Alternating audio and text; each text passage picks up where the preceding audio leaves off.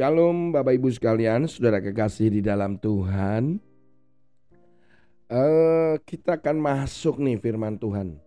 Kita akan membaca Amsal pasal yang ke-23 ayat yang ke-20 dan 21.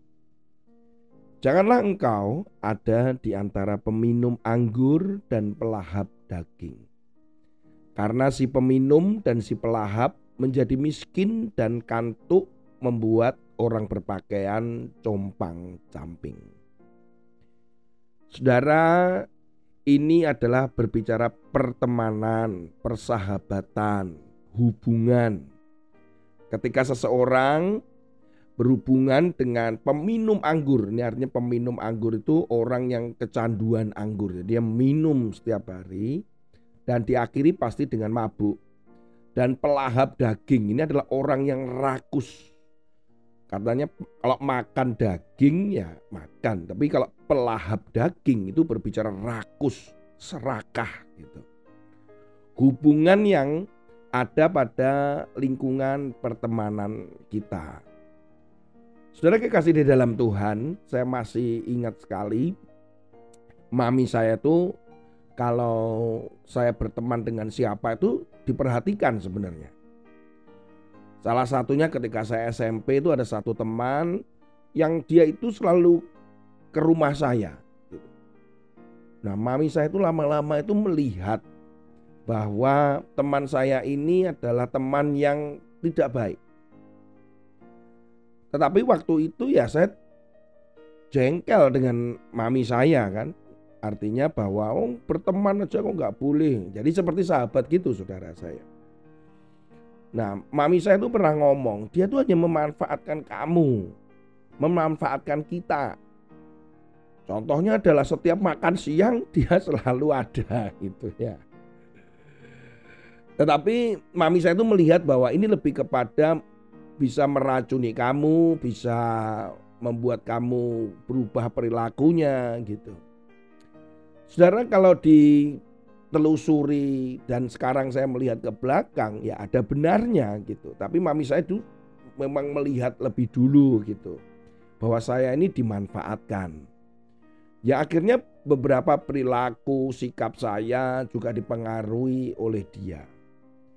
Saudara mungkin juga termasuk cara belajar saya, mungkin demikian lah ya sehingga pada SMP itu memang secara prestasi dan sebagainya saya tidak secemerlang ketika saya SD misalkan gitu. Karena lebih banyak jalan-jalan, kalau malam kita pergi bersama kayak begitu-begitu ya waktu SMP ya saudara. Nah saudara kekasih di dalam Tuhan, ketika kita itu dimanfaatkan orang atau mungkin saudara memanfaatkan orang lain, ketika sebuah pertemanan atau hubungan itu terjalin itu tidak baik. Saya pernah uh, ada teman baru bertemu ya teman lama yang sudah lama nggak berjumpa kemudian ketemu, wah ketemu. Ternyata ketika bertemu dia menawarkan asuransi, menawarkan investasi.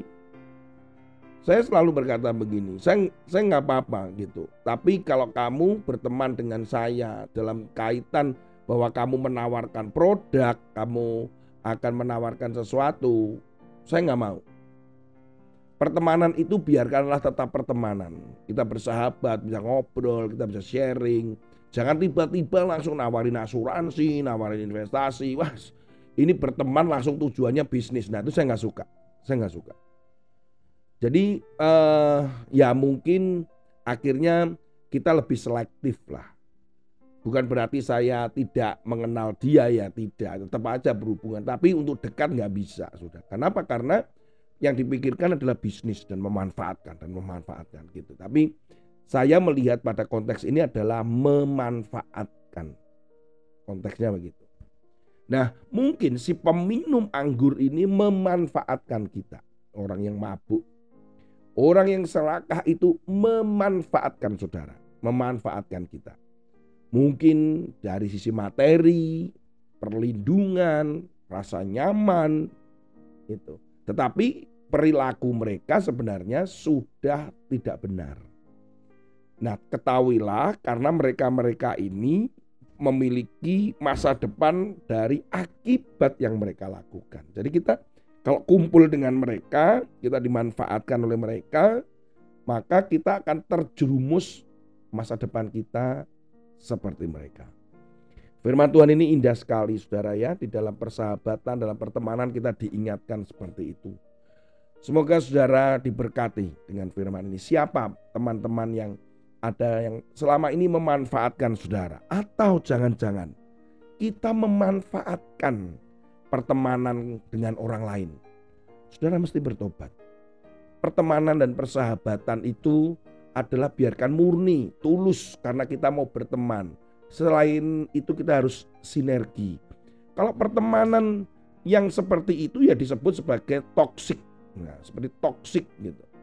Artinya dalam bukunya Dr. Lilian Glass dalam buku Toxic People tahun 1995 mendefinisikan toxic relationship adalah hubungan yang tidak saling mendukung satu dengan yang lain.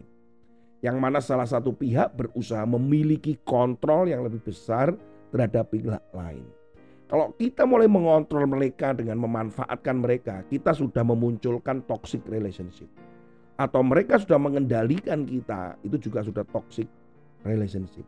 Kita mesti hati-hati dengan hubungan-hubungan seperti itu, saudara. Kita harus bisa tegas, kita harus punya kesepakatan bersama, kemudian jangan mudah terbuai dengan janji-janji begitu. Saya percaya bahwa Tuhan uh, minta kita juga berhubungan dengan banyak orang, tetapi bukan dengan toksik atau kita mengontrol mereka, dengan memanfaatkan mereka, tapi kita benar-benar dengan tulus di situ kita bisa berbagi tentang hidup, hidup yang diberkati, hidup yang dipulihkan, hidup yang penuh dengan damai sejahtera. Nah, itu bisa dibagikan sambil berhubungan. Dia satu kali akan bertanya, "Mengapa demikian?" Baru kita berbicara, "Karena Yesus." Tuhan Yesus memberkati, semoga renungan hari ini menjadi berkat buat saudara. Haleluya. Amin.